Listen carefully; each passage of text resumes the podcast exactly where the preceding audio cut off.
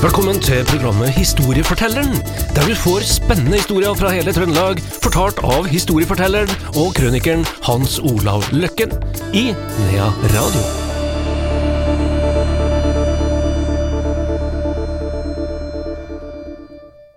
Historiefortelleren her i Nea Radio er tilbake igjen. Hans Olav Løkken, ikke minst. Velkommen til deg. Takk. Vi skal til Klæbu i dag, ehm, og et eh, ja, et litt, eh, en litt uheldig sak. Det er en uheldig sak, ja. Eller i hvert fall utvikla seg til en uheldig sak, da. Og ø, vi må gå tilbake da til 1818. Vi møter en fyr som het ø, Ole Hermanstad. Han var født i, i, i Melhus da 1775, gifta seg inn på en gård som het Bjerkeli, da, eller familien het jo Bjerkeli òg. Eh, oppe i Klæbu, da, overtok gården, da. De overtok gården etter hennes far, og får ei datter, og får enda ei datter, og kjerringa, Sigrid, hun, hun dør på langfredagen og samme år, og, og vi kan vel antagelig si at det var eh, død i barsel, og fordi at den eh, dattera før dør også kort tid etterpå, da. Så det var nok en viss sammenheng der, da. Eh, som sagt så gifter han seg igjen med ei som heter Margrete Margrethe Larsdatter. Hun var fra eh, utabygds, jeg vet ikke hvor hun kom fra, men hun får en sentral rolle, i hvert fall etter hvert i den saken her, da. Han herre Ole Bjerkli, han har jo da tatt navnet etter gården. Han hadde det som eh, ble, som ble skrevet som gevekst, gevekst, står det liksom. Det var en svulst, en Ut- kul, En utvekst. en utvekst, ja. Rett og slett en utvekst. Da, ikke sikkert at det var noe, eh, noe, noe galt i det, eller irritasjoner og sånn, men det står i hvert fall at han hadde en utvekst da, eller gevekst. da. Og Den gikk fra ørebenet og ned på halsen. Men det har jo kanskje irritert den på en eller annen måte, da.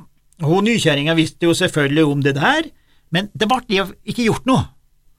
Det er vel sånn eh, med de fleste at så lenge det ikke skjer noe, så kan du gå med den der utvekstene, og du tenker ikke noe mer over det. Men han har nok eh, antagelig vært i kontakt med noen som kunne ha tipsa ham om en kvakksalver. Husk på at det var den tida hvor det var en del kvakksalvere, og, og, og, og det er jo en annen type mennesker i gåseøyne enn kjerringråd. Og Kjerringråd har jeg litt tro på av og til, altså jeg tror det at eh, det er en del kjerringråd oppover hundreårene årene som en ikke skal gimse, eh, eh, flite. Altså. Ja, mange dyktige kjerringer, vet du. Det er mange dyktige der, ja. Men, men, men det her eh, kvakksalvere de kommer jo under egen lov og sånn til slutt, ikke sant?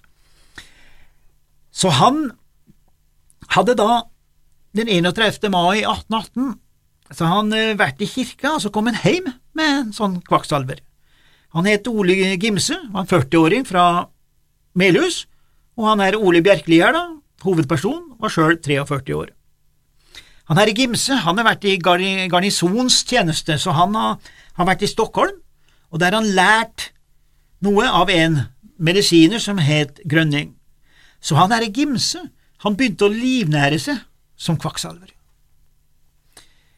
Og vår Ole Bjerkeli, da, han har nok antagelig hatt kontakt med han, og har sendt bud på han om å møte han, og han var vel ganske usikker på om han skulle bruke en kvakksalver da.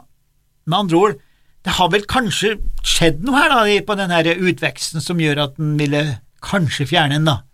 Men han var jo veldig usikker.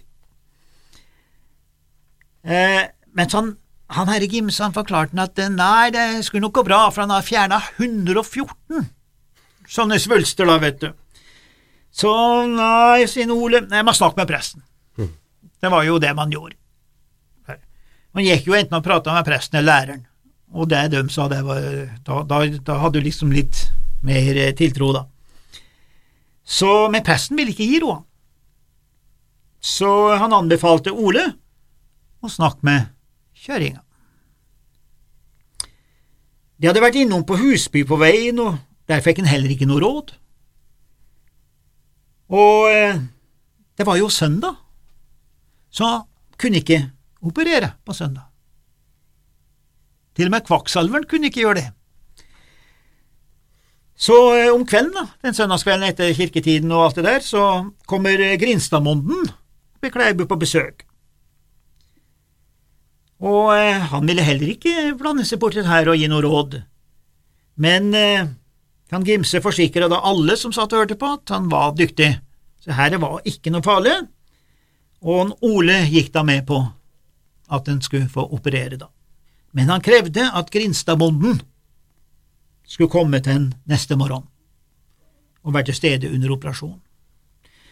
Så mandagsmorgen klokka fem så stilte da Nils Grinstad opp i Bjørklia, og Ole satte seg i stolen og fikk kamfer med brennevin, og han fikk noen dråper av Hoffmann, som det heter. Hoffmann det var jo en tysk lege, en kjemiker, da, som i 1740, døde i 1742, og han hadde da utvikla noen spesielle dråper som var kjent. Med, du kan si det var en form for hostesaft da, her. Eh, og det var vel blandingen av noe eter og sprit, og han var vel litt mer sånn husråd mot besvimelse og kvalme og alt mulig, men den brukte det mot alt. Så han fikk jo det, og han eh, Ole, da, hovedperson, setter seg på en stol, og Kvakksalver Gimse skar et snitt, mens grindabonden så på. Kjerringa og tjenestepia var ikke til stede. Så er det spørsmål, skar han her i Gimse pulsåra, eller brast den etterpå? Og alt det der er usikkert, så Gridstadbonden fortalte senere, for det her blir det rettssak skjønner du. Så senere så forteller altså Grinstadbonden at Gimse sydde igjen, og da besvimte han herre Ole, hovedperson, og måtte bære han til sengs. Så våkna han etter ei lita stund.